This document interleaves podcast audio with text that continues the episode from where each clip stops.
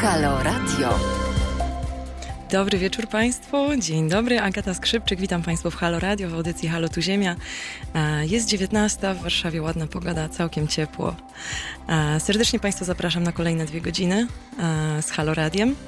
Będziemy dzisiaj rozmawiać o diecie dla planety, diecie dla świata, czyli będziemy mówić o tym, jaki wpływ na środowisko ma różne jedzenie, które spożywamy.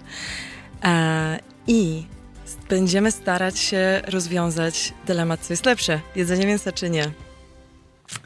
Um, generalnie cały czas wchodzimy w bardzo długie debaty e, pomiędzy weganinami a wegetarianami, ludźmi, którzy jedzą mięso, e, jaka dieta jest lepsza. Jest bardzo dużo perspektyw tego i zazwyczaj to się kończy kłótniami, no umówmy się, kłótniami. E, i w dzisiejszej audycji chcemy odpowiedzieć na to pytanie jednak bez oceny moralnej, bez wchodzenia też w moralne dylematy, jakie jedzenie jest lepsze dla naszego sumienia czy dla naszego zdrowia. I podejdziemy do tematu z czysto środowiskowego punktu i zastanowimy się po prostu, jaki wpływ na środowisko właśnie mają produkty, które spożywamy. Um, często jest też tak, że ludzie nie jedzący mięsa wpadają w e, pewne takie pułapki mody e, i popijają, zapijają latę e, mlekiem migdałowym lub piją codziennie wodę kokosową sprowadzaną z Bali i trzeba pamiętać, że to jedzenie wcale nie jest lepsze dla planety i też ma swój koszt w tym. Więc e, postaramy się dzisiaj przez te dwie godziny e, rozprawić właśnie z tymi tematami. Pierwszą moją rozmówczynią będzie Aleksandra Woźniak e, z Fundacji Aleksandra Świetlik. Przepraszam. Pomyliłam dwie, dwie właśnie moje rozmówczynie. Pierwszą z nich będzie Aleksandra Świetlik z Fundacji WWF. Cześć. Cześć, dzień dobry. Dzień dobry. E, z Aleksandrą właśnie porozmawiamy o, o mm, takim dosyć planetarnym, globalnym spojrzeniu na, na jedzenie. Kolejną gościnią o 20 będzie e, Karolina Woźniak e, z fundacji Too Good To Go, fundacja, która stara się ograniczyć marnowanie żywności. Także zapraszam serdecznie Państwa. Zanim zaczniemy rozmawiać, również przypomnę, że można do nas e, dzwonić, nawet jest to wskazane. E, nasz numer telefonu, no właśnie, jeszcze się go nie nauczyłam na pamięć. Jaki jest nasz numer telefonu? Czy może Tamara mi podpowie? A jest, a tak, kierunkowy 22 39 059 22. Zapraszam Państwa do telefonów do zadawania pytań. Jeżeli ktoś ma ochotę, zapraszam również na studi do studia, bo przyniosłam dzisiaj e, świeżą szarlotkę z Mazur, więc jeżeli Państwo chcą nas odwiedzić, to, to będzie mi bardzo miło. Um, dobrze, zacznijmy w takim razie naszą rozmowę. E, Ola, chciałam Cię w takim razie spytać, może zacznijmy tak dosyć prosto. Jak duży efekt e, na nasze środowisko ma, e, ma jedzenie, które spożywamy? Czy to jest w ogóle coś, czym my się powinniśmy przejmować?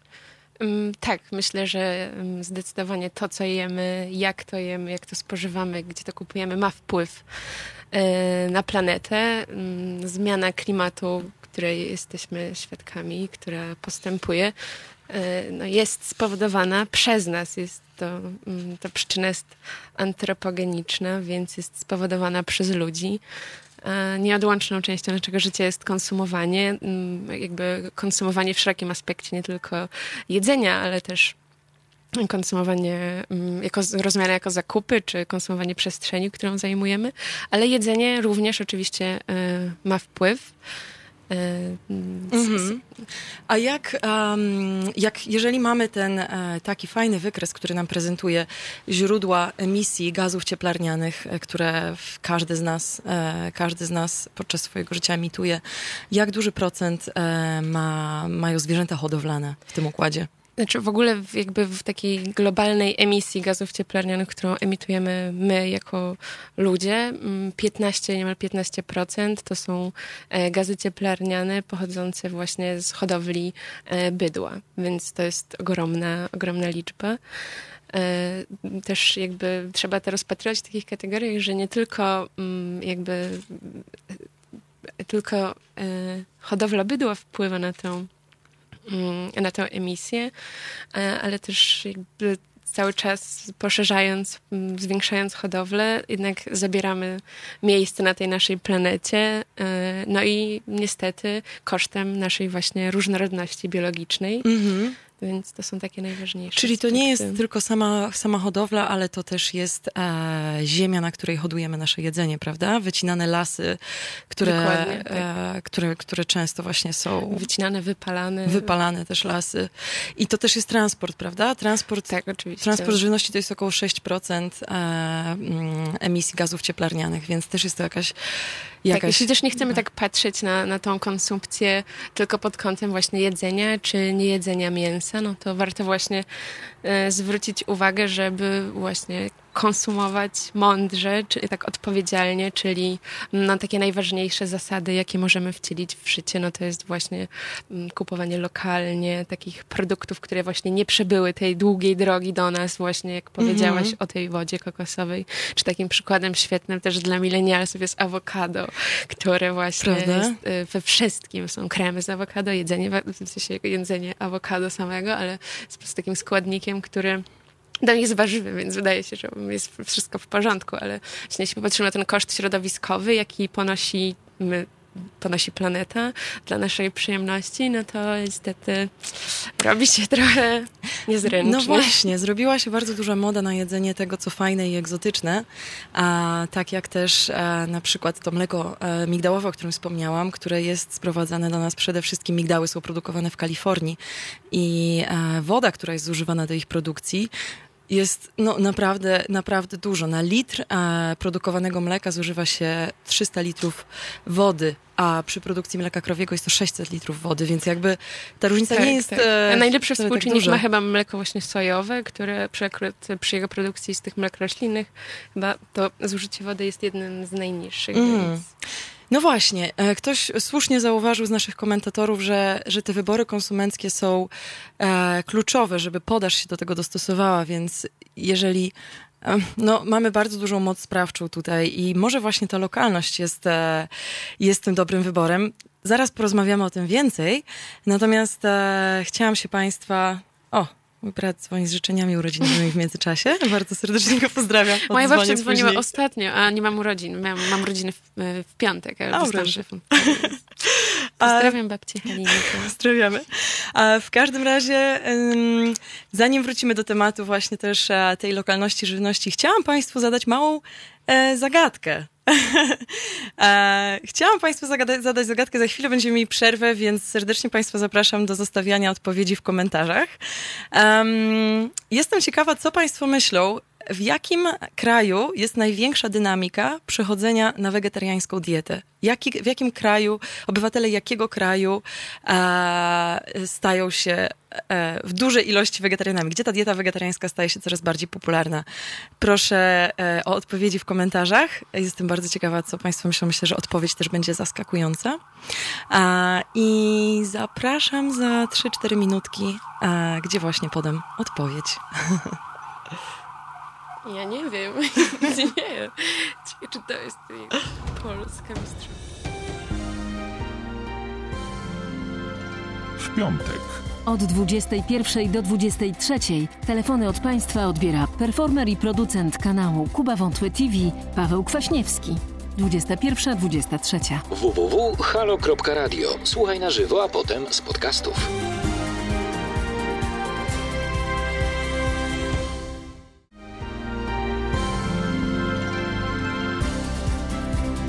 Halo Radio. Pierwsze radio z wizją.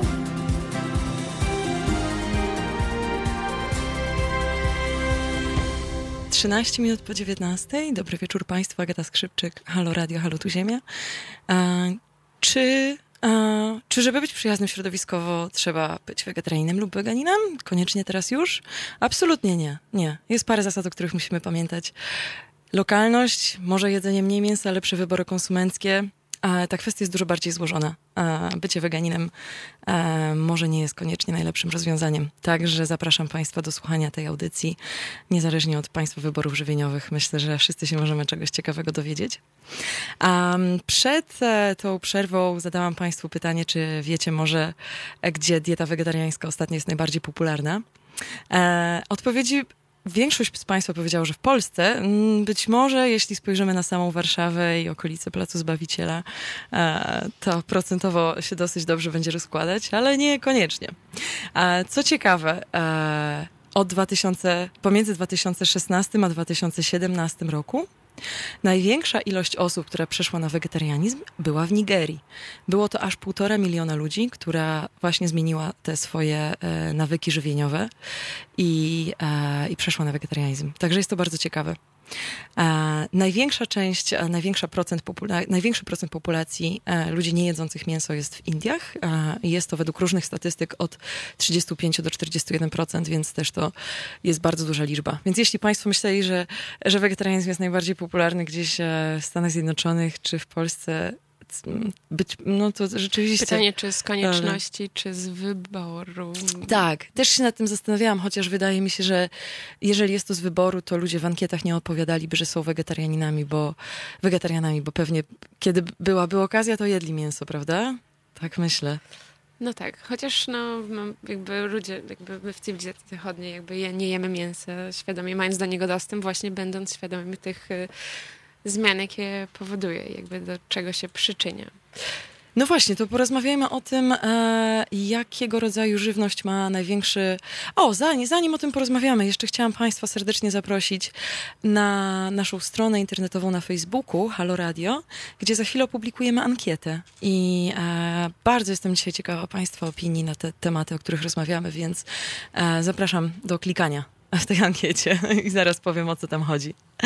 Właśnie, e, Aleksandra e, Świetlik z WWF-u ze mną jest w studio. Porozmawiajmy, Ola, o tym, e, jakie jedzenie ma największy wpływ na środowisko w ogóle, na planetę i czemu. Zdecydowanie jest to mięso i nabiał, jakby to mm, ma zdecydowanie największy negatywny wpływ, jeśli chodzi o emisję e, gazów cieplarnianych. Mm, sam taki, jak sobie pomyślimy o takim łańcuchu, jaki musi przejść to mięso, które wyląduje na talerzu, no to oczywiście najpierw mm, musimy nakarmić też to zwierzę, które finalnie niestety trafia na ten talerz, więc oprócz tego, że to zwierzę emituje, no to my musimy je nakarmić. Więc e, to też wypalenie, te ostatnie pożary w Amazonii mm, jakby były spowodowane też rozszerzeniem uprawy soi, która była przeznaczona na, nie na tofu dla wegetarian, ale na właśnie e, na paszę dla, dla zwierząt, więc to jest taki, taki dłuższy e, ciąg przyczynowo-skutkowy, ale oczywiście też są takie produkty, o których wcześniej rozmawiałyśmy, e, które mm, też przyczyniają się do tych negatywnych skutków. Też Polacy mm, najchętniej kupują są takie produkty jak kawa, herbata, banany czy ryż, które mm, emitujemy, z, importujemy z dalekich zakątków świata. No i to jest ten też transport, o którym mówiliśmy, ale też właśnie uprawa i hodowla, mhm. która po raz kolejny właśnie zabiera też. Tak. No właśnie, bo co jest ciekawe, największym, to już jest chyba też znany fakt, że największym, e, największym emitentem z, z różnych rodzajów mięsa, które są dostępne, jest wołowina, prawda? Tak, to jest naj, naj, najbardziej szkodliwa dla środowiska. Ale ciekawe jest to, że wołowina sprowadzana ze Stanów Zjednoczonych może być dużo mniej szkodliwa dla środowiska, a ta właśnie z Ameryki Południowej może mieć aż dziesięciokrotnie większy e, wpływ na środowisko, prawda? I emisję gazów cieplarnianych. To wynika z tego, gdzie jest właśnie hodowane. Jeśli mówimy o Amazonii, która jest no, bardzo zróżnicowana względem biologicznym, jakby ta różnorodność biologiczna tych, e, tej dżungli jest jakby no, nieporównywana z niczym mm. na świecie. Nam, nasze lasy, mm, mimo że są wspaniałe i też są różnorodne biologicznie i zamieszkiwane przez wiele gatunków, e, no to jednak e, jakby zdolności pochłaniania e, tych dwutlenku węgla przez lasy Amazonii są o wiele większe niż mm. naszych lasów, więc to jest taka wartość, no, którą też ciężko porównać. Tak, więc... tak. A. Oj, zgubiłam się. A, tak, no właśnie. Więc Tutaj też parę osób, naszych słuchaczy, bo zachęcam Państwa jeszcze raz do włączenia się w tą rozmowę.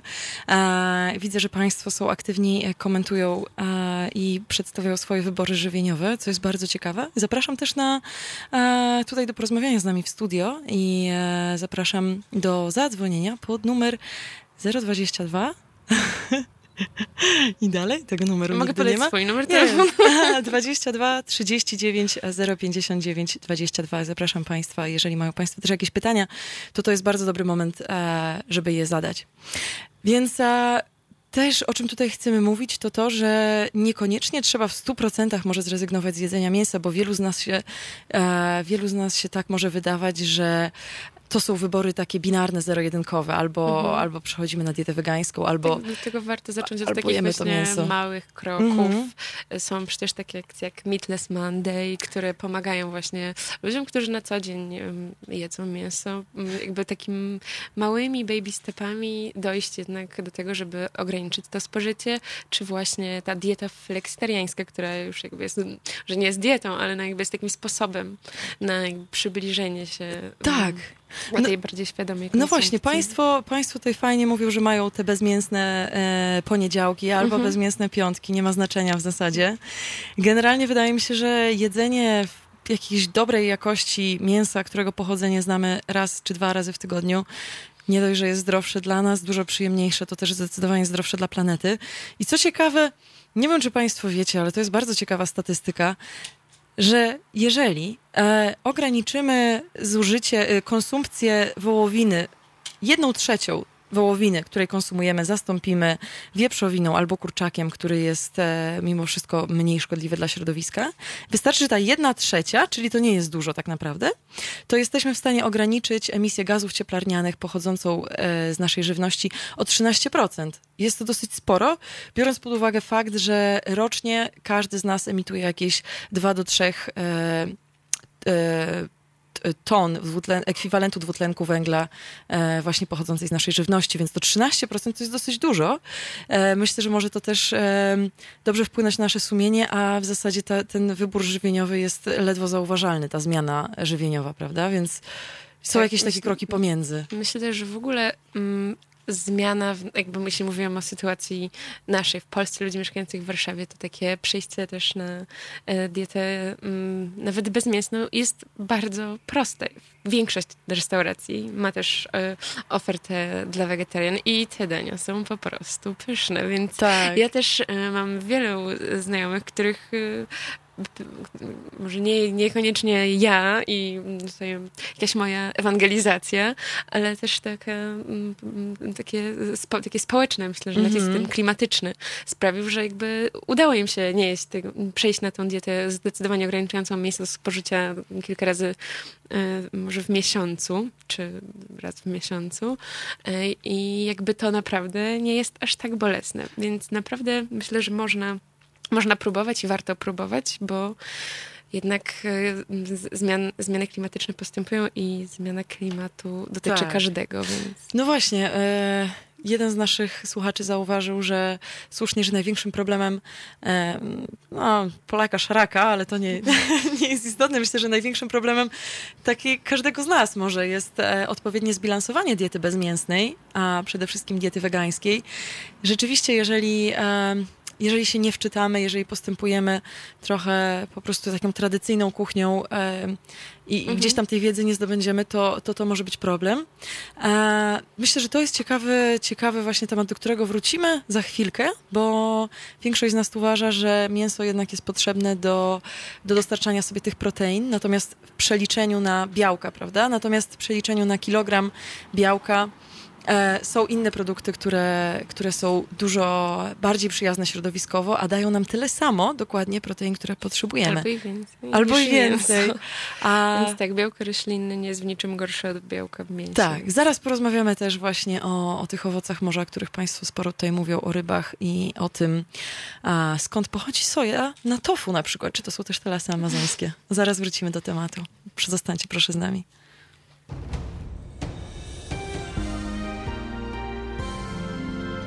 Czwartek Od 19 do 21. Nonsensy otaczającej nas rzeczywistości przefiltrowane przez swoją biedną głowę przedstawi Państwu Tomek Końca. 19.21. www.halo.radio. Słuchaj na żywo, a potem z podcastów.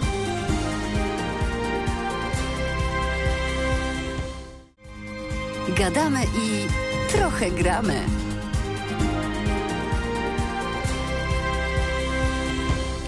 Dobry wieczór Państwu. Halo Radio, halo tu Ziemia. Z tej strony Agata Skrzypczyk. Bardzo mi miło, że jesteście z nami. Um, tak, e, przede wszystkim komplementują Państwo kamizelkę naszego fotografa, przekazałam, już było mu bardzo miło. A nasz gość e, z samej Australii robi dzisiaj zdjęcia naszemu pięknemu studio. E, tak, jak się dowiedział, że jest wideo, to, to przyszedł w swoich najlepszych, najbardziej wyjściowych ubraniach, można powiedzieć. Um, zapraszam Państwa do dzielenia się tymi wszystkimi fajnymi komentarzami e, przez telefon. I zapraszam bardzo do dzwonienia 22 39 059 22. Naprawdę dzwońcie. Jest fajnie, śmiesznie. E, chętnie z wami porozmawiam. E, zanim wrócimy do naszej rozmowy, chciałam odpowiedzieć na jedno Państwu pytanie. E, ktoś się tutaj spytał, e, jak wygląda jagnięcina w stosunku do wołowiny, jak, jak się ma koszt środowiskowy jagnięciny. Tak, wołowina jest zdecydowanie najgorsza ze wszystkich rodzajów mięsa, natomiast jagnięcina jest zaraz na drugim miejscu. I statystyki mówią, że 50 gram białka, które uzyskujemy z e, wołowiny, ma prawie 18 e, kilogramów e, emisji dwutlenku węgla, jagnięcina ma 10, trochę mniej, natomiast i tak bardzo dużo w porównaniu do na przykład fasoli, która ma niecałe pół, pół kilograma emisji, więc jest to jednak spora różnica. Zastanawiają się też Państwo, o czym tutaj rozmawiamy w studio podczas przerw. E, Nie umawiamy się na kebaba, bo takie są tutaj e, sugestie. A, no nie, na kebaba się nie umawiałyśmy. Chyba, że z akurat. sejtanem. Chyba, że z sejtanem. tak, ale bardzo blisko nas. To jest ciekawe, bo mamy studio w centrum Warszawy, e, piękne. I bardzo blisko nas jest em, tak zwana krowa żywa. O, przepraszam za promocję. W każdym razie lokal I lokal z wegańskimi burgerami, e, który od niedawna wprowadził tak zwany Beyond Burger. To są burgery, które do złudzenia przypominają burgery mięsne. Nie są to typowe burgery z soczewicy. Warto jest na pewno spróbować, bo nawet, nawet takie doś- doświadczenie wgryzania się w te burgery jest na pewno inne niż to, czego się spodziewamy po wegańskich burgerach. I ciekawe jest to, że emisja właśnie z produkcji tych burgerów jest dziesięciokrotnie mniejsza niż, e, niż przy produkcji burgerów wołowych. Więc myślę, że raz na jakiś czas, jak się zastąpi czymś takim, to nie jest żaden problem. Tak, w Polsce jest też taka sieciówka szwedzka, która oferuje właśnie burgery przyjazne dla klimatu, więc jakby da się, nawet będąc y, większą korporacją, nie tylko, bo- Żywa jest małą siecią, ale nawet mm, tak duża sieć restauracji, o której mówię, ale nazwy nie podam, Tak. y, y, oferuje właśnie też burgery z z tworem mięsopodobnym, który jest naprawdę do złudzenia No podobny, a właśnie. emituje znacznie, znacznie mniej do atmosfery. To jest to bardzo ciekawe i też jestem ciekawa bardzo Państwa opinii. Zapraszam na naszą stronę Halo Radio na Facebooku, gdzie jest ankieta, w której pytamy się Państwa, czy bylibyście w stanie zmienić swoją dietę dla środowiska. Jestem bardzo ciekawa wyników tego, a, tej ankiety, więc zapraszam Was bardzo do głosowania. Em, e, Aleksandra, e, Dla środowiska, czyli dla nas samych, czyli tak, Tak. naprawdę pomyślmy, czy zmienilibyśmy dietę dla naszych przyszłych dzieci i wnuków.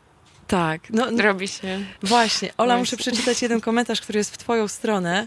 Anika Stankiewicz, nie, nie tylko fotograf jest komplementowany dzisiaj. Anika Stankiewicz, jedna z, nas, z naszych słuchaczek, powiedziała, że jesteś wspaniała, że jesteś tak młoda, a tak mądrze mówisz.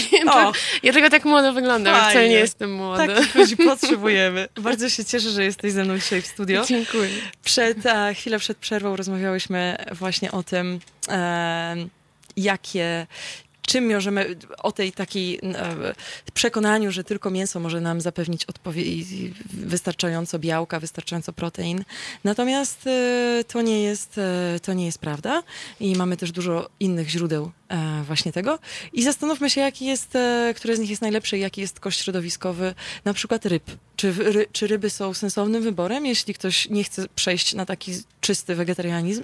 Mm, Myślę, że zdecydowanie lepiej na początku pomyśleć o właśnie takich źródłach e, białka jak fasola, soja mm, czy właśnie pochodzenie roślinnego. Jeśli chodzi o ryby, niestety z rybami e, też jest taki duży problem, nasz globalny problem, że większość zasobów e, jest po prostu przełowiona. E, 30% zasobów rybnych jest przełowiona mm, najwyższym, 60% jest przełowione na najwyższym możliwym poziomie. E, więc no, niestety to jest też taki krok, który nie do końca też um, może być dla nas e, sprawić, że będziemy mogli spokojnie stać w nocy, chociaż e, no, rzeczywiście mamy do wyboru też jakby zakupy ryb, które mają, są oznaczone certyfikatem, czyli są takie dwa certyfikaty MSC i mhm. ASC, które jak, się, jak się nazywały te certyfikaty? MSC i mhm. ASC i jeden z nich jest dla ryb um, hodowlanych, drugi y, nie, nie, dla niehodowlanych. W każdym razie chodzi o to, że to trochę pomaga wybrać y, rybę, która została złowiona w sposób bardziej odpowiedzialny. Mhm. E, jakby też cały przemysł rybny zatrudnia też mnóstwo osób, które...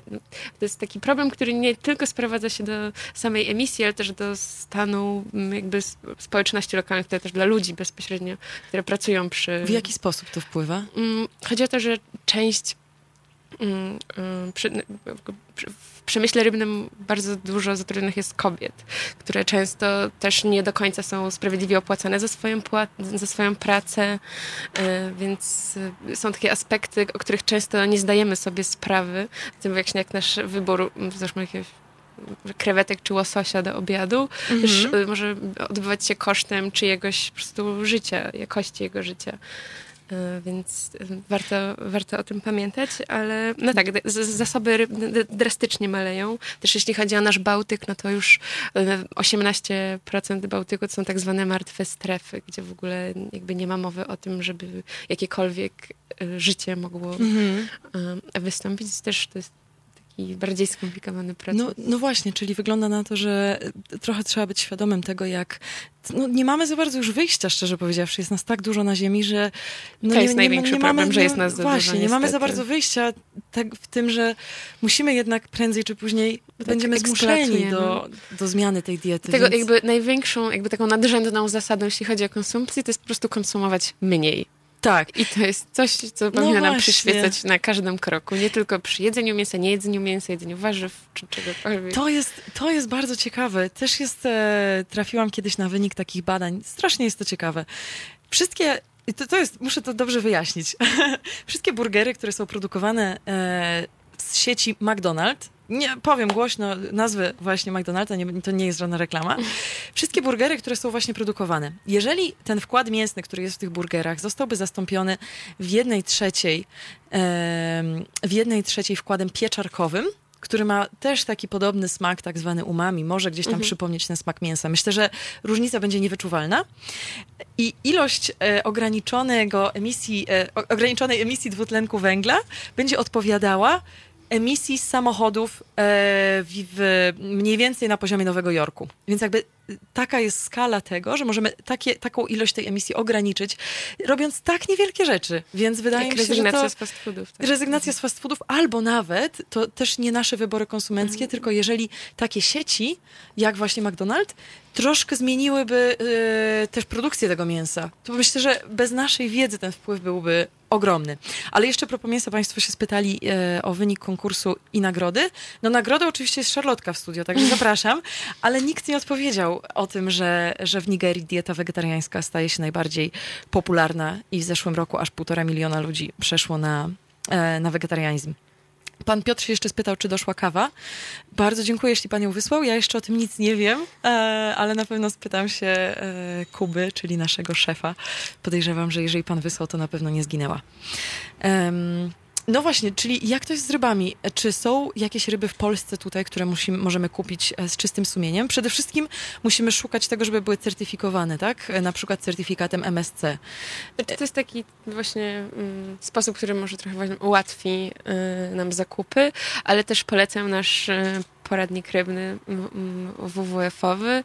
On w taki trochę skomplikowany, ale po, jeśli się nauczymy tego sposobu, to on bardzo jest potem przydatny. W taki sposób, który, to, to jest poradnik, który możemy pobrać na stronie, zachęcam, e, który właśnie podpowiada, jak możemy e, właśnie mądrze wybierać ryby nie tylko na obiad, ale też pytając się właśnie w restauracji, skąd te ryby są. Mm, to polega na tym, że właśnie mamy dane obszary, gdzie te ryby są poławiane, w jaki sposób są poławiane, bo są też różne sposoby połowów.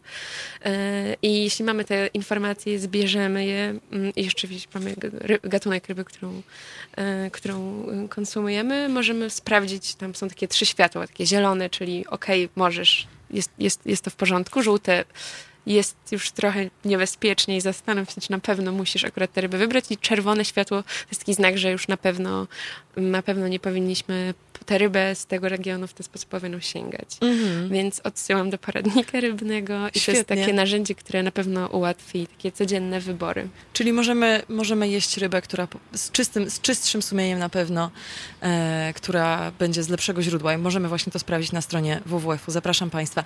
A widzę, że mamy telefon. Zapraszam Państwa na sekundkę przerwy i zaczniemy kolejne wejście od tego telefonu.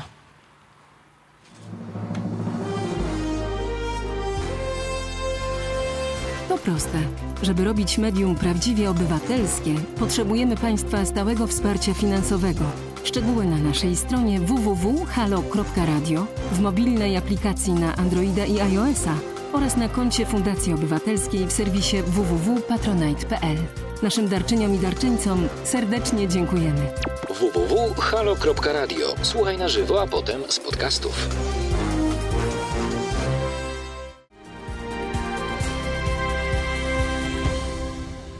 Dobry wieczór Państwu. Halo Radio, Halo Tu Ziemia, Agata Skrzypczyk. Fajnie, że jesteście ze mną e, za 15.20 w Warszawie. Nadal, a, nadal ciemno, ale nadal nie pada. Fajna atmosfera.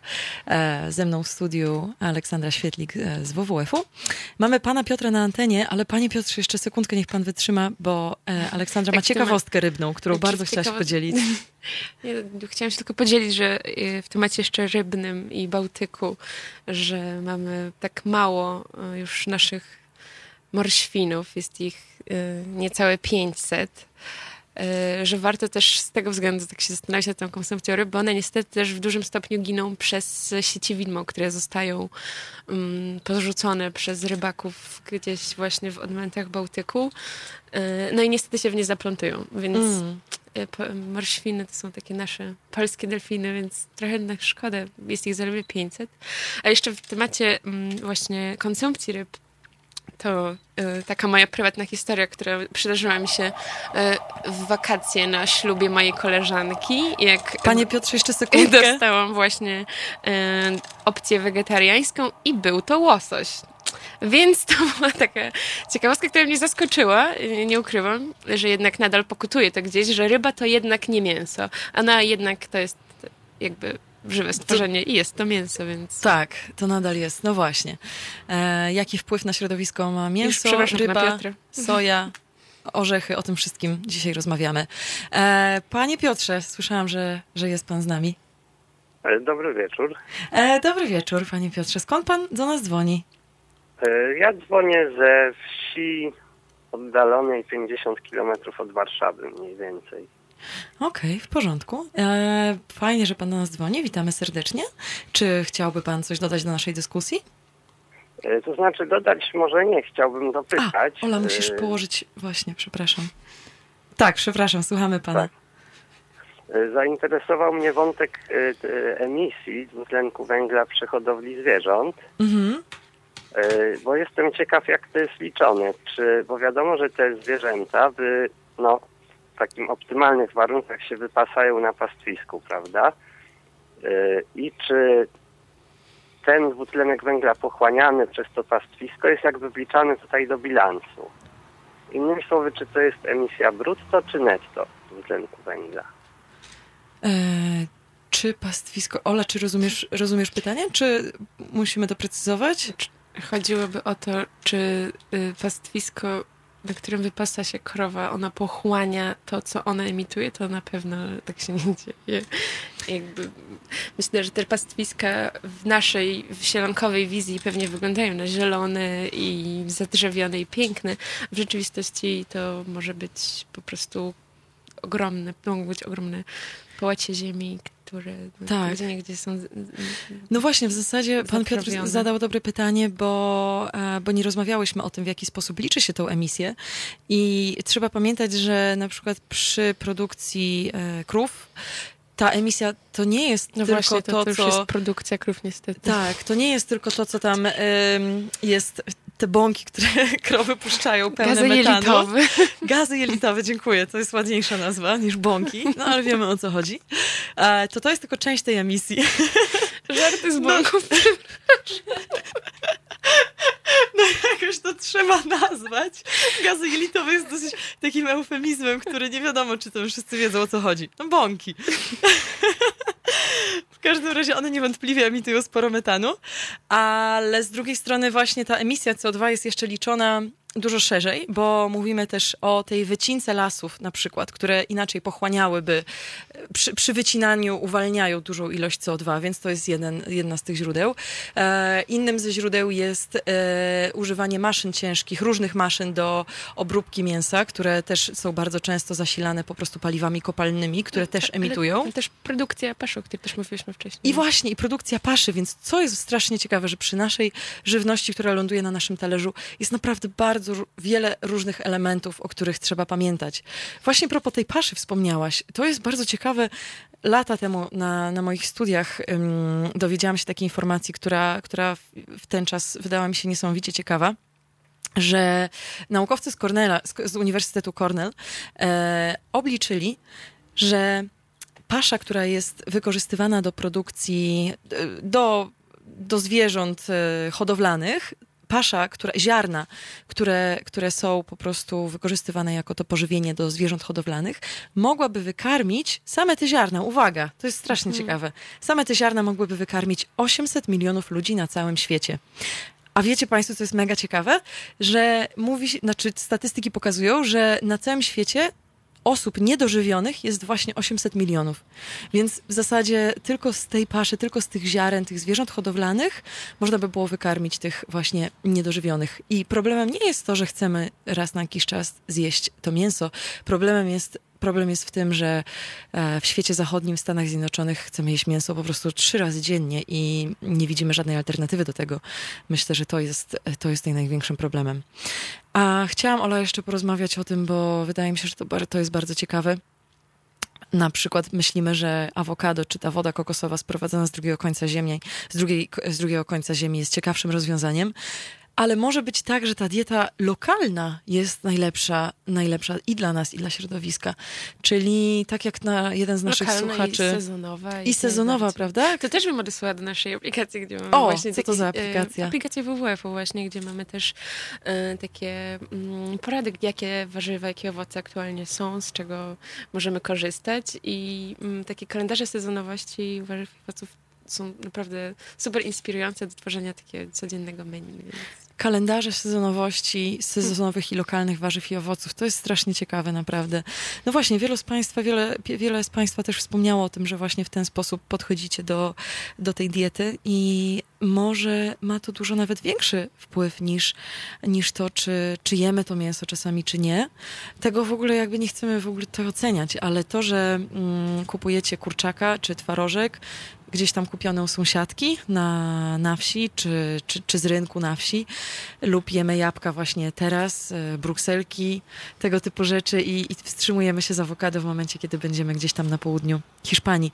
Chociaż to też jest bardzo ciekawe, e, że no właśnie, to jest tak, tak kompleksowe, że warto się po prostu zastanawiać nad tymi swoimi wyborami żywieniowymi może, może mam nadzieję, że ta audycja Państwa tego skłoni, bo bardzo ciekawe jest to, że jeżeli chcemy kupić powiedzmy pomidory produkowane zimą w Polsce, to to może być duży gorszy wybór niż kupno pomidorów z Hiszpanii czy z Włoszech, z Włoch, z Włoch gdzie, e, gdzie, gdzie produkcja tych pomidorów jest tam sezonowa, nawet jeżeli jest to, jest to jakaś późna, późna jesień czy wczesna wiosna i jest dużo mniej wody zużywana, zużywanej wtedy do, do tej produkcji. Więc jednak e, no, ta sezonowość jest tutaj e, szalenie, szalenie ważna. E, tak, nie mają Państwo chyba na razie żadnego pytania jeszcze dodatkowego, ale w razie czego proszę dzwonić pod numer 022 39 059 22 i z nami porozmawiać więcej. Em, Tak, warto też powiedzieć, że Właśnie. Polacy strasznie niestety dużo marnują jedzenia, nie tylko mm, właśnie, no, no, wszystkiego, i warzyw, i owoców, i nabiału, i mięsa, jakby to 9 milionów ton rocznie. Mhm. Więc to jest e, 9 milionów ton jedzenia rocznie to jest e, naprawdę bardzo dużo i to nas plasuje w czołówce europejskiej. E, Jeśli też właśnie mówisz o tym kosz, koszcie, jakby il- ile wody potrzeba do wyprodukowania tego jedzenia, to, to już są w ogóle jakieś astronomiczne Właśnie, liczby. to jest bardzo ciekawe. W internecie są takie w ogóle kalkulatory. Bardzo zachęcam do zapoznania się z nimi. Um, kalkulatory śladu środowiskowe, e, carbon footprint, czyli tego śladu środowisko, węglowego, środowiskowego naszych wyborów żywieniowych. E, w jednym z tych kalkulatorów możemy sobie wpisać, ile mięsa jemy rocznie i pokazuje nam zużycie antybiotyków do produkcji tej, e, tego mięsa, zużycie energii, zużycie wody. I ja na przykład od, odkryłam z, z niesamowitym zdziwieniem, że średnia dieta amerykańska pojedynczej osoby po, do, do dostarczenia tej ilości mięsa rocznie potrzeba 1 milion litrów wody rocznie, żeby jeden Amerykanin zjadł to jakieś tam Nawet trochę sobie trudno mięsa. wyobrazić, ile to Jeden jest milion. Nie wiem, ile to jest wanien. Nie wiem, ile to jest pryszniców pięcio, pięciominutowych. To strasznie, strasznie zaskakująca liczba, naprawdę. E, w każdym razie, no, Państwo wspomnieli też tutaj o mięsie, które się wyrzuca w supermarketach i że to też jest duży problem. I właśnie o tym będziemy mówić w, nasz, w następnej godzinie naszej audycji. Właśnie o tym, o marnowaniu żywności, o tym, jak tego nie robić, czy są jakieś sposoby na ograniczanie tego. E, bardzo chciałam podziękować. E, Ola Świetlik z WWF-u była moim, moją rozmówczynią. To był jej debiut, zaproszenie. debiut właśnie. radiowy i myślę, że było świetnie.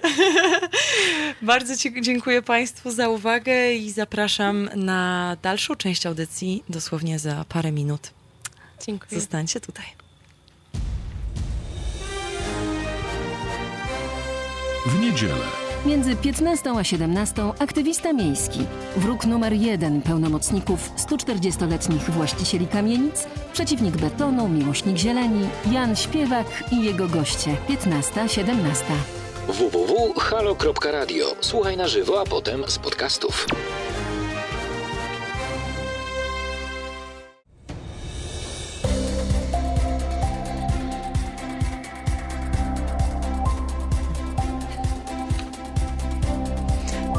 Dobry wieczór Państwu. Agata Skrzypczyk z tej strony w Halo Radio, nowym radio obywatelskim.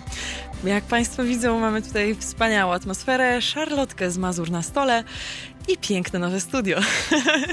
Zapraszam Państwa do udzielania się i do bycia z nami duchem, ciałem, jakkolwiek Państwo chcą. Każdym razie nasz telefon, e, numer telefonu, pod którym można dzwonić, to 22 39 059 22. Serdecznie zapraszam Państwa, głosy są strasznie fajne i cenne.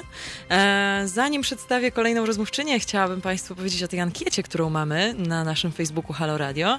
Sporo z Państwa e, wpisało tutaj, udzieliło zdania na ten temat.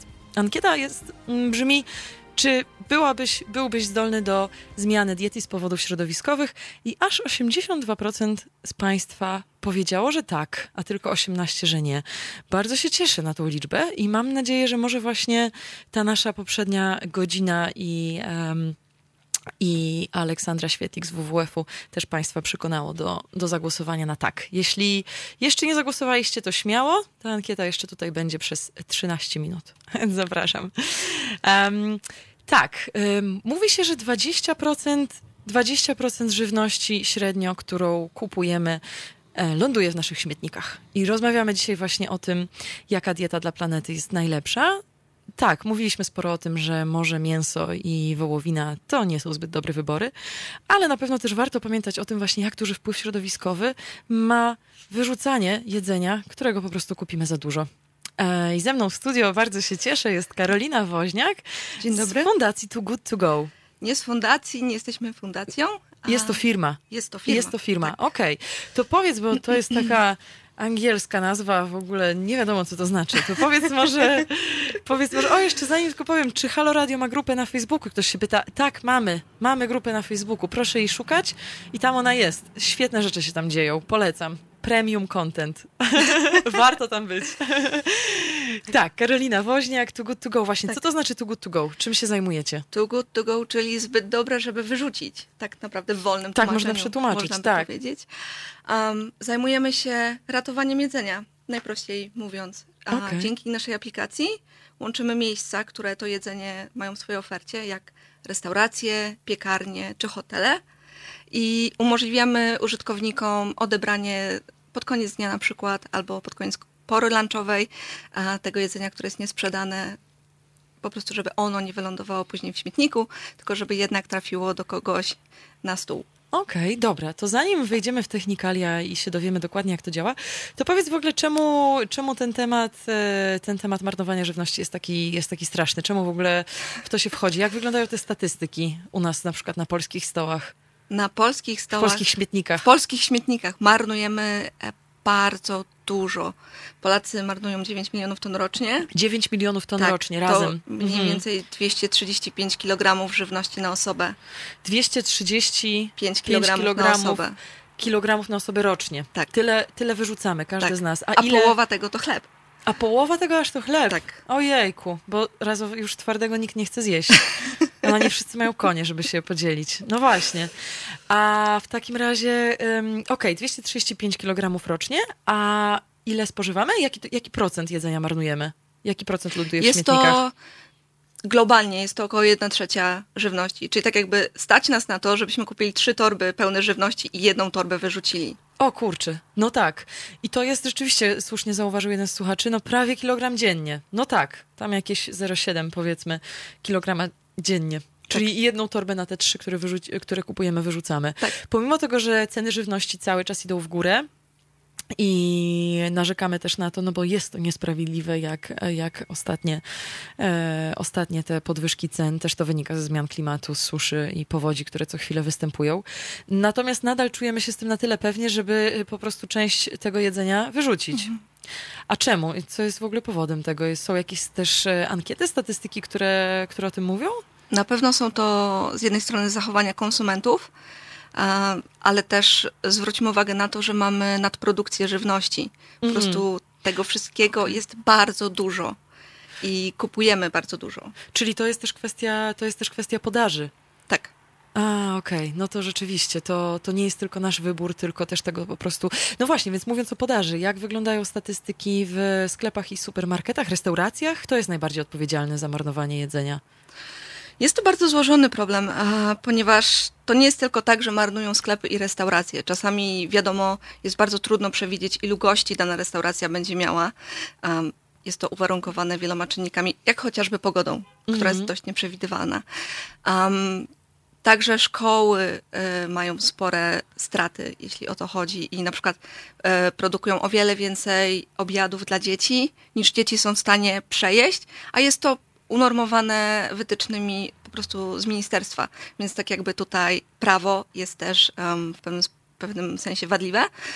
E, I też jeszcze do niedawna nie mieliśmy żadnych sensownych przepisów, e, jeśli chodzi o robienie czegokolwiek z żywnością, która zostaje w sklepach.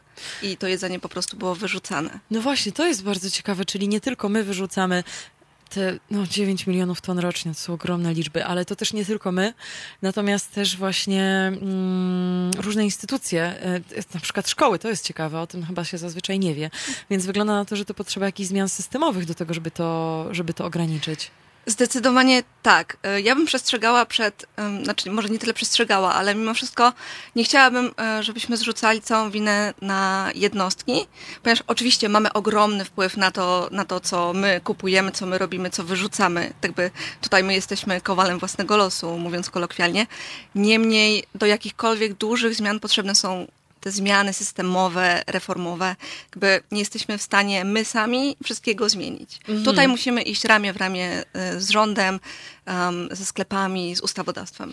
Okej, a jeżeli mówimy właśnie o tych supermarketach i restauracjach, to jakie to są, e, jakie to są liczby? Jakie to są... E, czy ty, no, no nie właśnie. jestem w stanie Ci teraz przytoczyć Mhm. e, konkretnych danych, a niemniej wiemy, że po prostu tego się bardzo dużo marnuje. Można się przejść na przykład wieczorem e, w okolicy sklepu, zobaczyć, jak pełne są śmietniki. No, teraz już teoretycznie nie powinny, ponieważ e, weszła w życie nowa ustawa, która obliguje e, sklepy do przekazywania tej żywności, więc mam nadzieję, że ta sytuacja jednak pójdzie ku lepszemu. No, no właśnie, to jest, to jest ciekawe, o tym temacie porozmawiamy jeszcze za chwilę, ale właśnie mówisz o tych, e, o tych przepełnionych śmietnikach. E, to też jest, to też jest sposób, tak jak mówi się o tej diecie wegetariańskiej, wegańskiej, to jest też dieta frigańska, prawda? Słyszałaś o tym? Słyszałam o diecie frigańskiej, znam kilku frigan. Co prawda, z tego co mi się wydaje, jest to działanie nie do końca legalne. Niemniej na pewno, jeśli chodzi z, z punktu widzenia planety, ze wszechmiar słuszne. Mhm. Mhm, mhm, mhm. No właśnie, czyli friganizm, jeżeli Państwo nie wiedzą, e, to jest taka praktyka polega, polegająca na tym, że po prostu czasami e, raczej nocą idziemy na śmietniki e, supermarketów lub sklepów i, i, i zobaczymy, patrzymy, co tam, co tam jest fajnego, co możemy wziąć, ale to jest oczywiście tylko jeden z tych sposobów, bo, bo też jest, jest to trochę bardziej takie już ustrukturyzowane. Są grupy na Facebooku, które prężnie działają. Friganizm Warszawa na przykład, podejrzewam, że nie tylko tutaj, gdzie też ludzie się dzielą tym jedzeniem, które inaczej by zmarnowali, prawda? Więc to jest, friganizm to nie polega tylko na tym, że musimy iść na śmietnik i wziąć po prostu jedzenie, które jest wyrzucone, tylko możemy dzielić się tym, co inaczej poszłoby na śmietnik po prostu. Tak naprawdę taka jest też idea too good to go, żeby podzielić się tym jedzeniem, które w innym wypadku po prostu wylądowałoby w śmietniku. Bo pamiętajmy, to nie jest tylko jedzenie, to też są emisje. Jakby wszystko, co wyprodukujemy, niesie ze sobą jakiś ślad węglowy i tak jakby zanim jedzenie trafi na nasz stół, jest cały łańcuch dostaw, który po drodze emituje coś. Więc No mówiąc tak właśnie. oględnie, można powiedzieć, że ratując jedzenie, ograniczamy emisję, choć tak naprawdę sprawiamy, że te emisje nie idą na marne. No właśnie, więc to wszystko to, o czym rozmawialiśmy w poprzedniej godzinie, o tym, jak złożony jest ten cały łańcuch, e, zanim jedzenie trafi na nasz talerz, wszystko to idzie po prostu na marne, kiedy, kiedy to jedzenie wyrzucimy i nieważne, czy to jest czy to jest kawałek wołowiny, czy to jest awokado, czy, czy, czy to jest chleb nawet z pobliskiej piekarni. Za każdym razem to jest ta sama strata. Za chwilkę porozmawiamy więcej o tym właśnie, jak działa ta aplikacja i co możemy zrobić, żeby w taki prosty bardzo sposób ograniczyć nasz wpływ środowiskowy. Także zostańcie z nami jeszcze, jeszcze do 21.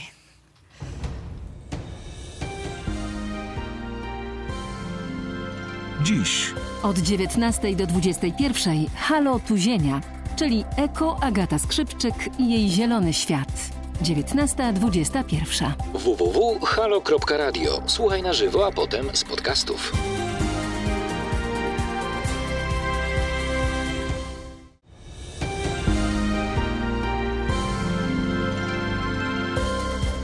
Halo Radio. Pierwsze medium obywatelskie.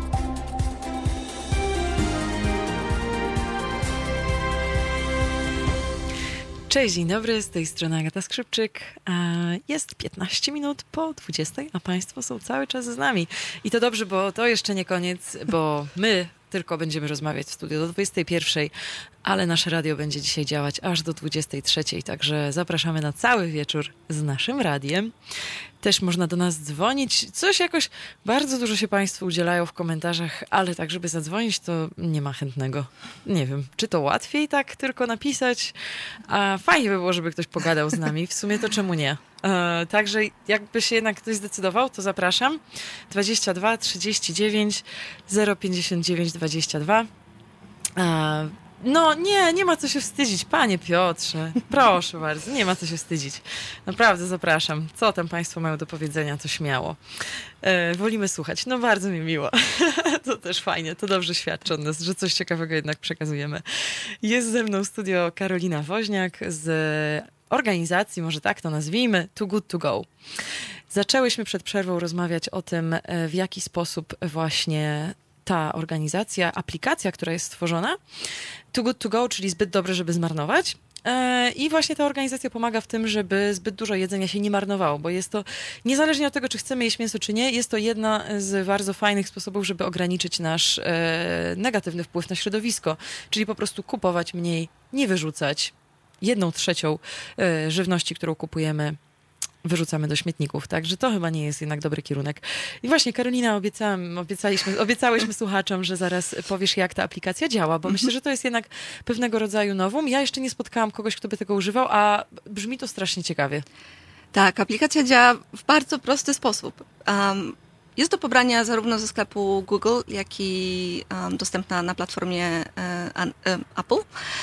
Pobieramy aplikację, instalujemy, a rejestrujemy się i za pomocą lokalizacji wyszukujemy najbliżej dostępnych nam paczek, ponieważ mamy aktywnych około 60 partnerów, więc tych paczek jest naprawdę sporo i one znikają po prostu w mgnieniu oka.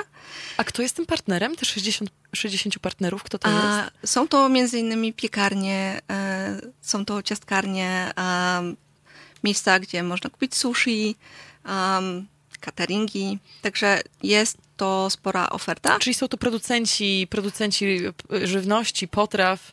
Bardziej restauracje. Bo nie chciałabym e, wchodzić, e, wymieniać po kolei każdego, ponieważ jest ich bardzo dużo. Mhm. Okej. Zachęcam do zajrzenia do aplikacji. Tak, czyli to sz- 60 partnerów daje możliwość, oferuje jakieś jedzenie, z którego po prostu Tak. już nie, nie zużyje, nie sprzeda, zostało. I wtedy my możemy sobie w tej aplikacji wyszukać, tak? Takie miejsce i po prostu iść i, i się zgłosić. Dzień dobry, Chciał, A, chciałbym Zamawiamy, bułkę? zamawiamy przez aplikację. Okej. A, I re, e, wtedy restauracja czy dany partner przygotowuje dla nas paczkę niespodziankę. O. to jest bardzo istotny punkt. Nie wiemy, co będzie w środku, Okej. ponieważ e, też e, partnerzy nie są w stanie przewidzieć, co zostanie. I em, po prostu szykują dla nas taką miłą niespodziankę. Ja dzisiaj na przykład odebrałam swoją pierwszą paczkę. Było to danie lunchowe i byłam z niego bardzo zadowolona. A co było w tym daniu? W daniu lunchowym było to um, zarówno danie główne, jak i sałatka. Mhm.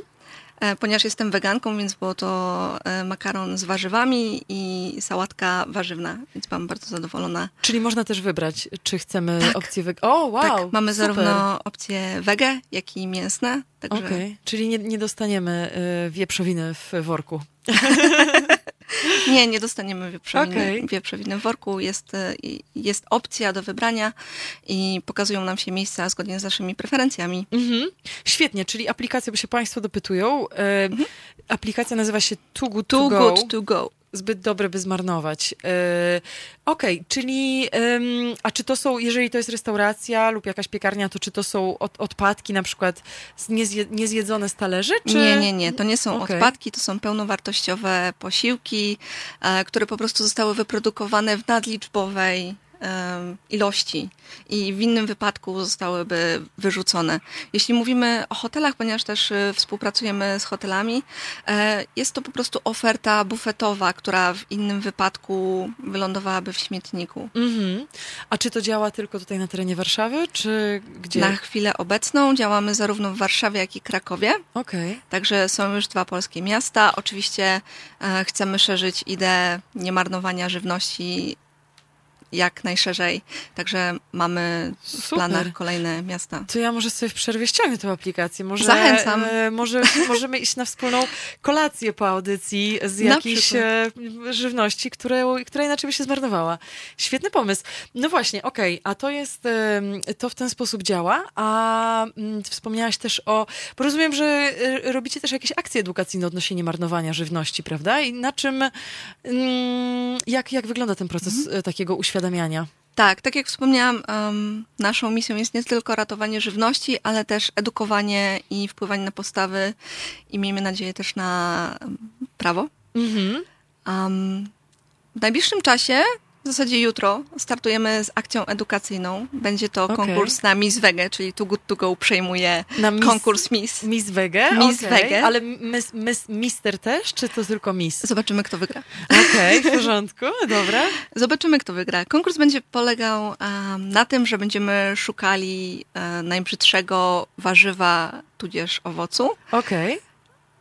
Lub można powiedzieć pięknego inaczej, ponieważ te warzywa co prawda wyglądają inaczej, mają jakiś odprysk, albo są niewybarwione do końca, albo mają jakiegoś w cudzysłowie parcha, który, że tak powiem, dyskwalifikuje je z, ze sklepowej półki.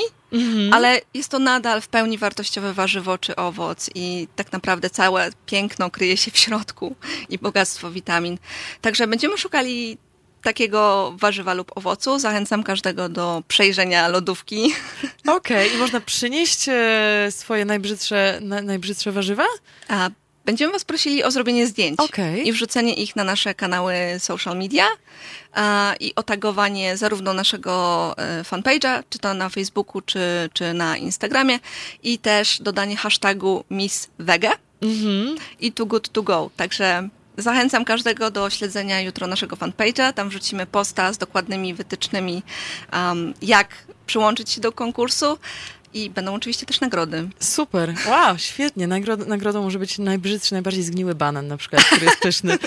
A muszę troszkę polecieć polityką, bo mnie jeden komentarz to tak rozśmieszył. Okej. Okay. Jeden z naszych użytkowników, słuchaczy, napisał, że dzisiaj PiS rozdawał pączki i zdaniem naszego słuchacza jest to szczyt szczytów marnowania żywności. Nie wchodząc w politykę, jest to strasznie, strasznie śmieszne.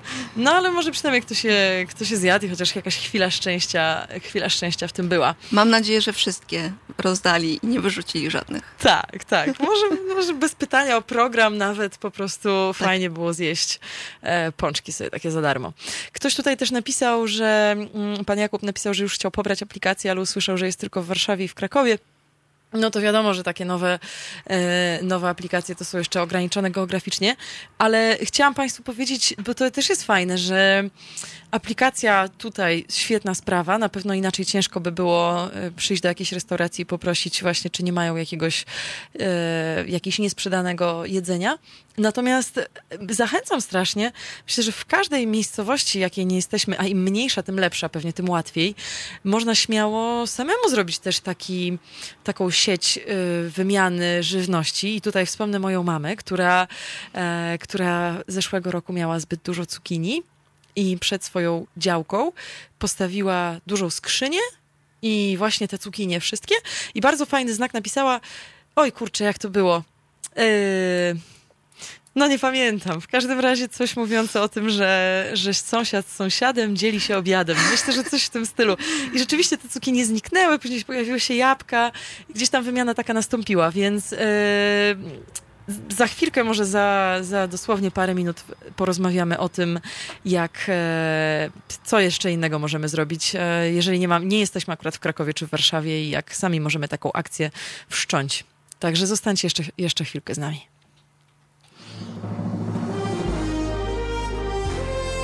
W niedzielę. Od 11 do 13 Halo Kultura Magdaleny Żakowskiej. Weekendowo i z daleka od polityki. 11.13. www.halo.radio. Słuchaj na żywo, a potem z podcastów. Halo Radio.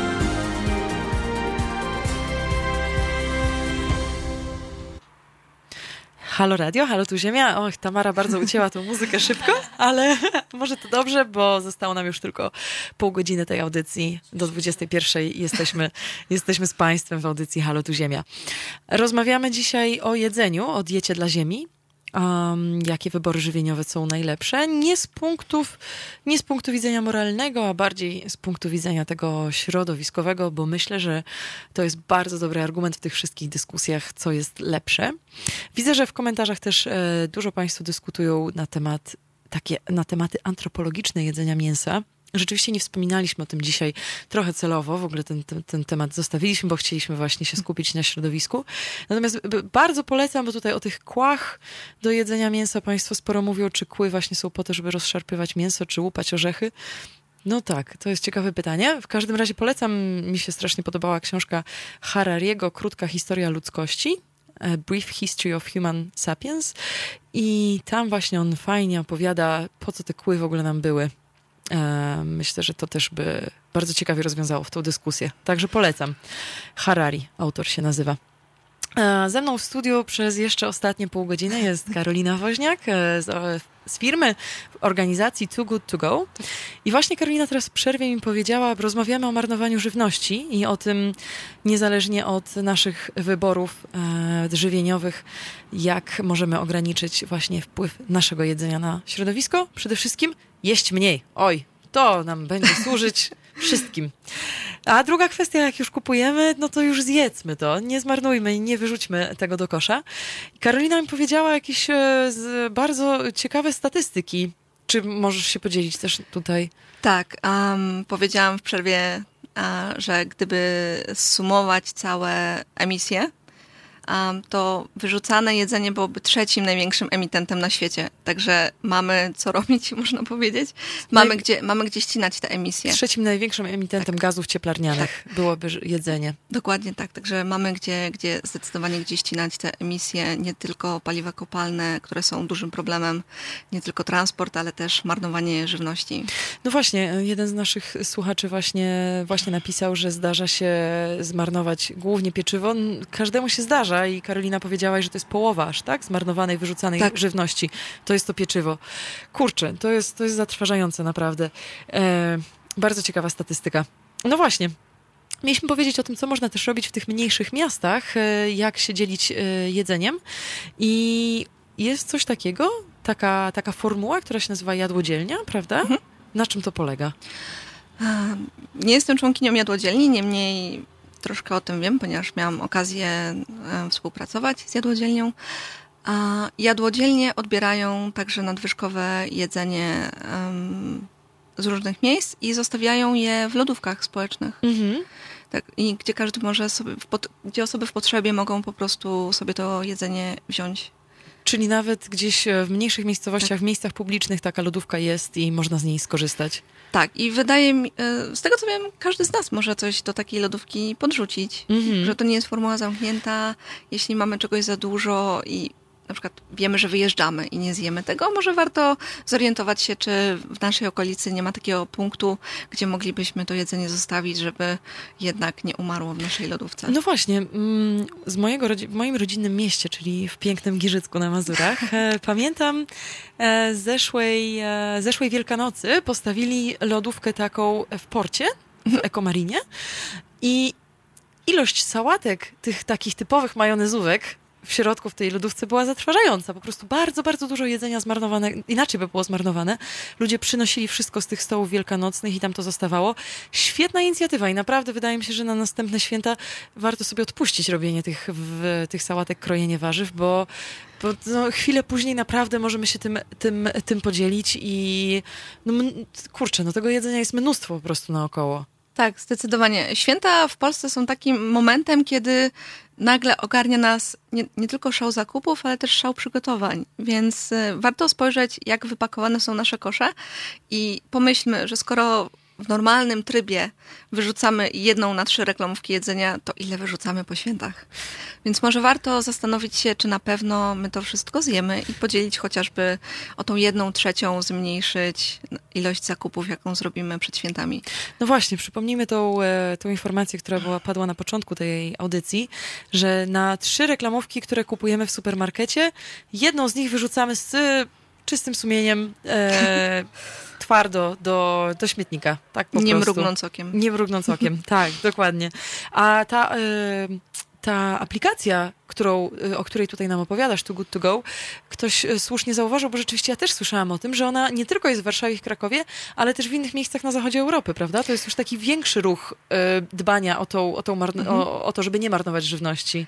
Samo Too Good To Go e, wystartowało tak naprawdę w 2016 roku w Danii. Um, tak naprawdę zostało stworzone przez osoby, um, przez pasjonatów. Bo Too Good To Go to są to nie, to nie jest aplikacja, to są osoby, które są pełne pasji do ratowania planety.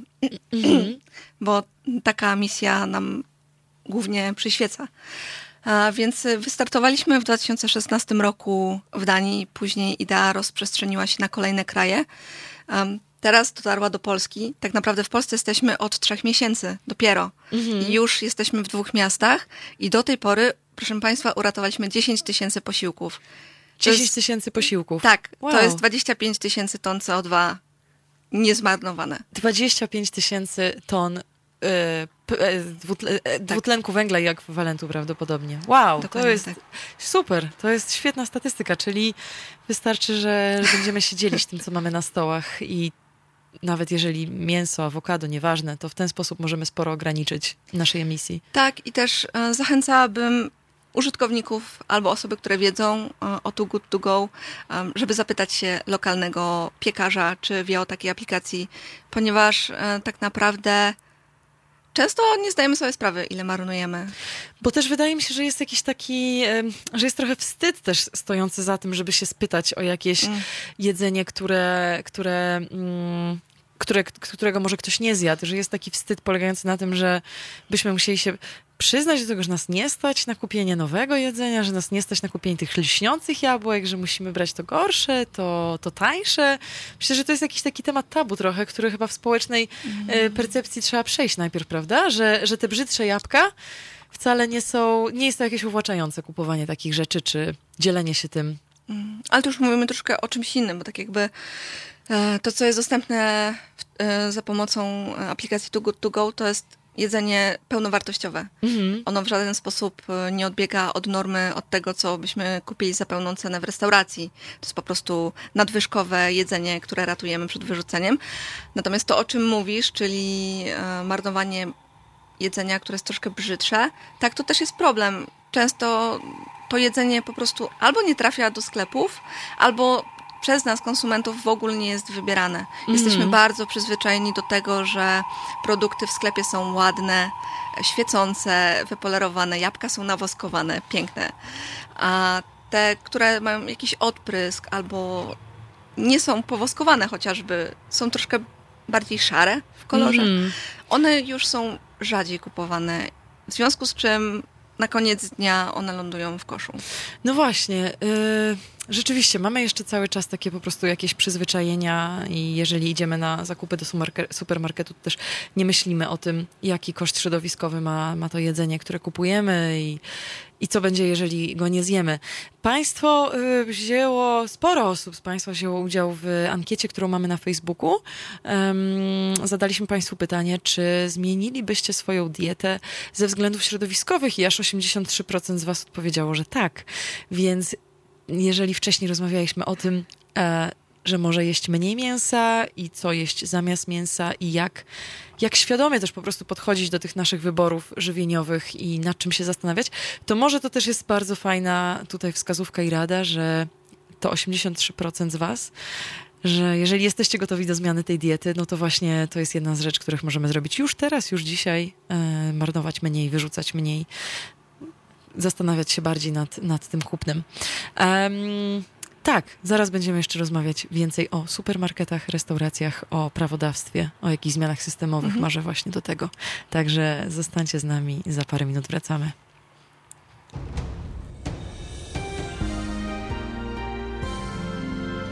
Jutro.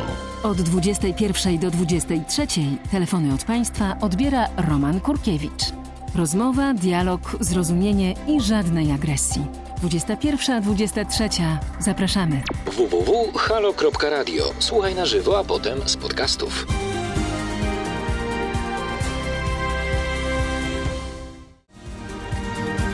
Halo Radio. Gadamy i trochę gramy.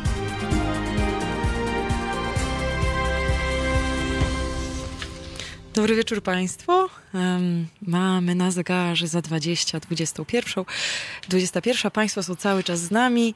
E, halo Radio, Halo Tu Ziemia, pierwsze radio obywatelskie i pierwsze radio z wizją, bo tak jak widać można nas nie tylko słuchać na żywo, ale również oglądać nas na transmisji. A warto oglądać, bo zapraszamy różnych ludzi czasami do studia, kręcą się kręcą się różni ludzie, zdjęcia robią, przynoszą kawę, szarlotkę, więc e, śmiesznie tu jest po prostu. Można, można też wchodzić, można wpadać, można do nas dzwonić e, i też do tego serdecznie zapraszam. Numer telefonu 22 39 059 22. Em, dzisiaj nadajemy do 23 i zaraz po mnie będzie Tomasz Iwańczuk, także zostańcie z nami jeszcze trochę, bo, bo będzie... Dobrze powiedziałam? Nie, okej. Może coś źle zapisałam. W każdym razie zostańcie z nami, bo będzie, będzie ciekawie. Rozmawiamy dzisiaj o tym, jaka dieta jest najlepsza dla naszej planety, jakie nasze wybory żywieniowe wpływają na środowisko. I e, z Karoliną Woźniak rozmawiamy o problemie marnowania żywności. Aplikacja Too Good To Go służy temu, żebyśmy mogli e, znajdować takie jedzenie, które inaczej by się zmarnowało, ale cały czas jak najbardziej jest przydatne do użycia do zjedzenia. Ale rozmawiałyśmy też o tym, że e, bardzo dużym źródłem tej marnowanej żywności są supermarkety, restauracje. I teraz od niedawna weszła nowa ustawa, prawda? Która, która powinna to troszkę zmienić. Mm, tak, ustawodawca nałożył obowiązek na sklepy, aby te podpisały umowy z organizacjami pozarządowymi, um, po prostu na odbiór jedzenia, które um, spełnia wymogi um, prawa żywnościowego, ale nie nadaje, nie nadaje się do sprzedaży chociażby ze względu na wygląd albo na jakieś wady opakowania. Mhm. Także mniej żywności powinno lądować teraz e, w śmietnikach, a więcej powinno być przekazywane do organizacji pozarządowych. Okej, okay, świetnie, bo do tej pory było tak, że wspomnieliśmy o tym, że na przykład połowa marnowanej żywności to pieczywo, a do tej pory było tak, że piekarnie na przykład nawet nie mogły przekazywać, prawda, tego pieczywa nigdzie. Już jest chyba słynna sprawa pana piekarza, który po prostu e, zbankrutował przez to, że oddawał pieczywo za darmo ubogim. Mhm i został na niego nałożony ogromny podatek, którego po prostu nie udźwignął. Tak. Tak, rzeczywiście, no faktycznie, faktycznie tak było. Czyli teraz, e, teraz już tak będzie, że, że spokojnie te supermarkety mogą organizacjom e, tak. organizacjom przekazywać, przekazywać jedzenie, więc przynajmniej mniej się tego będzie marnowało. W porządku, czyli e, co my możemy zrobić od siebie, żeby nie wyrzucać tej jednej trzeciej żywności, która cały czas ląduje w śmietniku, to między innymi ściągnąć aplikację Too Good To Go, tak? Bo i znaleźć, znaleźć też jakieś, zamiast kupować, to znaleźć, znaleźć jedzenie z restauracji, e, które, która inaczej by to jedzenie właśnie wyrzuciła. Też możemy założyć e, jadłodzielnie w naszych małych miejscowościach i dzielić się z sąsiadami naszym jedzeniem. Ale poza tym też możemy dużo fajnych rzeczy zrobić z jedzenia, które inaczej byśmy wyrzucili, prawda? Myślę, że kuchnia polska jest tak urozmaicona, jest tak bogata w pomysły, że każdy znajdzie coś e, dla siebie, żeby z tego jedzenia już może nie takiego super świeżego zrobić coś fajnego. Zapiekanki, gulasze. Fermenty fermenty. Tak. Kiszonki są bardzo modne ostatnio. No jasne, że tak. I tak samo z owocami przecież. Ja się też dopiero jakiś czas temu dowiedziałam, czytając książkę Sztuka Fermentacji, że to, co nam zaczyna śmierdzieć i fermentować te wszystkie owoce, to jeżeli się to jeszcze trochę cukrem podsypie i zaleje wodą na przykład, albo nawet nie, to świetne sfermentowane takie soki owocowe powstają. Na przykład bardzo fajny sfermentowany sok z ananasa, który przy okazji też ma już trochę procent. Niewiele, ale ma. Nasze Więc... babcie doskonale wiedziały, co robić e, z, z takimi rzeczami, które już e, tak jakby mogłyby być wyrzucone, ale jeszcze się troszkę nadają, także można zapytać babci o mhm. pomysły. A jakie myślisz, bo mówimy o tych zmianach systemowych, które są potrzebne do tego, żeby, e, żeby też to ograniczyć, marnowanie jedzenia? I jakie myślisz, wy jako, jako właśnie organizacja Too Good To Go, jakie macie e, wyzwania w tym ustawodawstwie polskim? Przede wszystkim nadprodukcja. Mhm. To, jest, to jest ogromny problem. E, nadprodukcja i redystrybucja żywności. E, w chwili obecnej wspierane są głównie wielkopowierzchniowe farmy, natomiast takie rolnictwo lokalne, małe, ono po prostu zamiera. Mhm. E, w związku z czym warto byłoby zmienić tą optykę na wspieranie tego drobnego rolnictwa, bardziej przyjaznego naturze, niż e, tym wielkim monokulturom, które, które po prostu na potęgę powstają jedna za drugą. One są też bardzo szkodliwe dla środowiska. Um, używają bardzo dużo nawozów najczęściej mhm. i przez to, że to są monokultury, ta ziemia um, traci swoje właściwości odżywcze z czasem. A ta też ilość żywności, która jest marnowana pod, w tym procesie też jest większa w takich dużych fermach na przykład? Czy, czy to jest tak, że wtedy, wtedy w ogóle na etapie produkcji duża część żywności jest, jest marnowana? Zdecydowanie Tak, em, chociażby z tej przyczyny, że tutaj już ten aspekt wyglądu danego egzemplarza, danej sztuki warzywa czy owocu jest bardzo mocno brany pod uwagę i one często zostają na polu, ale też bardzo, przez to, że jest tak bardzo rozwinięte wielkopowierzchniowe rolnictwo, ceny są też bardzo niskie e, na skupach, więc na przykład mniejszym rolnikom nie opłaca się często zbierać rzeczy z pola. Po Ojej. prostu musieliby więcej zapłacić osobie, tudzież osobom, które by wykonały tą pracę, niż dostałyby później e, za swój, e, za swój plon. Więc często po prostu te rzeczy zostają na polu, no i to jest jedzenie zmarnowane. No właśnie, małe gospodarstwa znikają. Rzeczywiście tak jest. Po prostu ta, ta ekonomia skali wygrywa w, w przypadku większych, e, większych podmiotów, które produkują więcej. Em, też mówiąc o tej marnowanej żywności, warto pomyśleć, skąd to jedzenie nasze pochodzi jednak. I em, niestety tak jest, że jeżeli kupujemy jedzenie, które e, szybciej się może zmarnować, czyli na przykład jakieś powiedzmy jagody, borówki, em, takie jakieś e, truskawki. E, jeżeli kupujemy, sprowadzamy to late, e, zimą do Polski e, z innego końca świata, musimy mieć pewność, że jest to, że koszt transportu, środowiskowy koszt transportu takiego jedzenia jest naprawdę duży i na, musimy to brać pod uwagę, decydując się na takie wybory żywieniowe. W momencie, kiedy to są ziemniaki, czy pomarańcze nawet, czy te grejpfruty, to mm, jest większa szansa, że, e, że ten transport jest drogą morską lub lądową, więc koszt środowiskowy sprowadzania takiego jedzenia jest, e, jest dużo mniejszy. No, jest to wszystko bardzo powiązane. A, tak patrzę na zegarek, Państwo nie chcą dzwonić e, i zastanawiam się, że chyba, chyba będziemy kończyć tę audycję, bo już jest za 10, za 10, 21, więc na nas czas już przyszedł. Rozmawialiśmy dzisiaj o tym, jakie nasze wybory żywieniowe są najlepsze, żeby, żeby jak najlepiej po prostu naszej planecie zrobić i mniej ją niszczyć. Mam nadzieję, że Państwo wyciągnęli z tej, z tej audycji też tyle, co ja i było to strasznie ciekawe. Bardzo dziękuję, bardzo dziękuję Karolinie Woźniak, która trzymała tutaj służbę ze mną przez ostatnią godzinę. Dziękuję bardzo. Zachęcam Państwa do ściągnięcia aplikacji Too Good To Go. To w ogóle nie jest żadna reklama tutaj, e, bo po prostu tak często wspominamy o tej aplikacji, ale mówimy o dobrych działaniach, bo też jest taki cel tej audycji, żeby mówić o dobrych działaniach, o tym, jak w prosty sposób możemy się przyczynić em, dla środowiska. Bardzo bym chciała Państwa też zaprosić na za tydzień na słuchanie, słuchanie tutaj naszej audycji Halo Radio, Halo Tu Ziemia o 19, o 19 w kolejną środę, ponieważ moim gościem będzie profesor Szymon Malinowski, profesor nauk o Ziemi z Instytutu Geofizyki UW i bardzo chciałabym poprowadzić z nim tą audycję w ten sposób, żebyśmy zbierali pytania od Państwa i telefony. No mam nadzieję, że, że będziecie aktywni za tydzień. Pan Szymon Malinowski bardzo dużo mówi o naszych różnych zjawiskach pogodowych, o naszym klimacie i wszystkie te pytania, które się pojawiają o suszę, powodzie i to powtarzane cały czas, jak to jest, e, że mamy globalne ocieplenie, jak jest zimno, no jak to? Przecież to jest niemożliwe. Więc wszystkie te pytania proszę zebrać sobie do kupy, przemyśleć i za tydzień strasznie się cieszę też na właśnie profesora Malinowskiego, że tutaj będzie i będziemy z nim na ten temat rozmawiać. Bardzo dziękuję. Dziękuję Karolina jeszcze Dziękuję raz. bardzo. E, Słyszę się z Państwem już za tydzień i zapraszam do słuchania Hala Radio jeszcze do 23.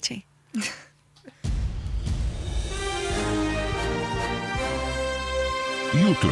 Od 17 do 19 filozoficznie, ale bez zbędnego zadęcia. Porozmawia z Państwem Natalia Wilk-Sobczak. 17-19.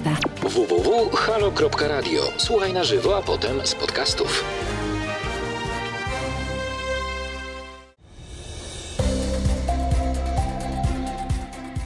Dzień dobry, dzień dobry. Tomek Kowalczuk z tej strony. Już 21 się zbliża, nawet y, nasz zegar pokazuje, że jest 13, 14, 15 sekund po dziewiątej. E, serdecznie Was wszystkich witam. E, dzisiaj o politycznym e, kiju w mrowisko, które, który wsadził Lech Wałęsa. Lech Wałęsa ma w zasadzie zawsze jakiś kij na podorędziu. Chodzi mi o wypowiedź o tym, że idziecie do władzy, żeby zdobyć władzę, a nie żeby reformować Polskę. Mm, e, o tym sobie porozmawiamy, co o tym sądzicie. E, mm, zapraszam serdecznie.